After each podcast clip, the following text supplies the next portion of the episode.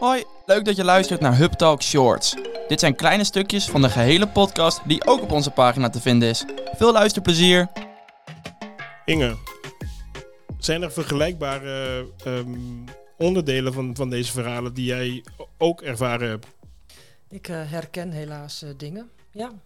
Ik denk dat ik eh, als zodanig als on- onzeker persoon door mijn jeugd heen ben gekomen. En, en dat is voor toch dominante mannen wel erg aangenaam. Want het is heel makkelijk om dan iemand te beïnvloeden. Ik ben mijn eerste relatie weggegaan toen ik zeker wist dat ik zwanger was van mijn tweede kind. Mm, omdat ik wilde voorkomen dat mijn kinderen ook geslagen zouden worden. Uh, mijn eerste man sloot me in huis op. Dat bedoel ik tamelijk letterlijk. Gewoon slot op de deur en je bent afgesloten. Um, en de, de opmerking van ja, maar jij maakt dat ik dat zo doe, want uh, ze kijken naar jou en jij, uh, jij, doet, jij flirt met iedereen. Ik denk niet dat dat waar is, maar ik ben van mezelf wel iemand die gewoon vriendelijk groet en uh, ik probeer altijd netjes en, en leuk te antwoorden. En dat mocht niet. En ik mocht dus op een gegeven moment niet meer met mijn familie praten. Uh, mijn vrienden gaven het op, want ze kregen me toch nooit aan de telefoon. Ik moet zeggen, de mobiel bestond uh, nog niet in, in die tijd. Uh, toen ik bij deze man weg ben gegaan, uh, heb ik een geheim telefoonnummer genomen. Dat heb ik 18 jaar volgehouden totdat dat kind meerderjarig was. In de hoop dat ik niet lastiggevallen zou worden.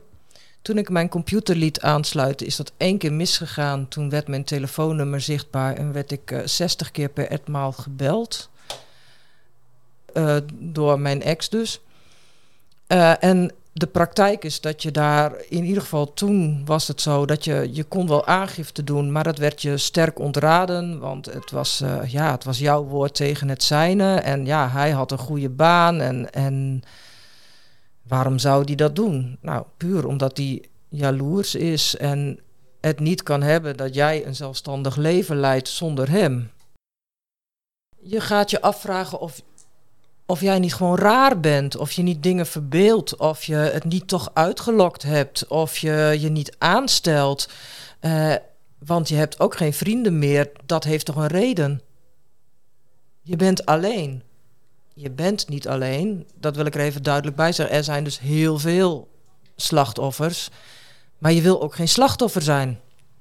En ik wil geen slachtoffer zijn. En deze dames hier naast mij willen ook geen slachtoffer zijn. Maar we willen het nu wel onder de aandacht brengen. Ook voor die mensen die misschien zich zo eenzaam voelen. Ja, en denken, denken dat hun hoofd niet ja. goed is. Dat ze zich aanstellen of het zich verbeelden. Maar dat is heel vaak niet, niet het geval. En, en wij zitten hier uh, allemaal, nou ja, toch uh, gezond van lijf en leden.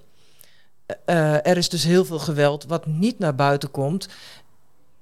En er worden toch in Nederland heel regelmatig vrouwen vermoord. Die kunnen het dus helemaal niet meer navertellen. Die kunnen ook geen, geen steun meer krijgen van, van mensen die het ook hebben meegemaakt. Tof dat je hebt geluisterd. Benieuwd naar de hele aflevering? Die vind je op HubTalk. Tot de volgende!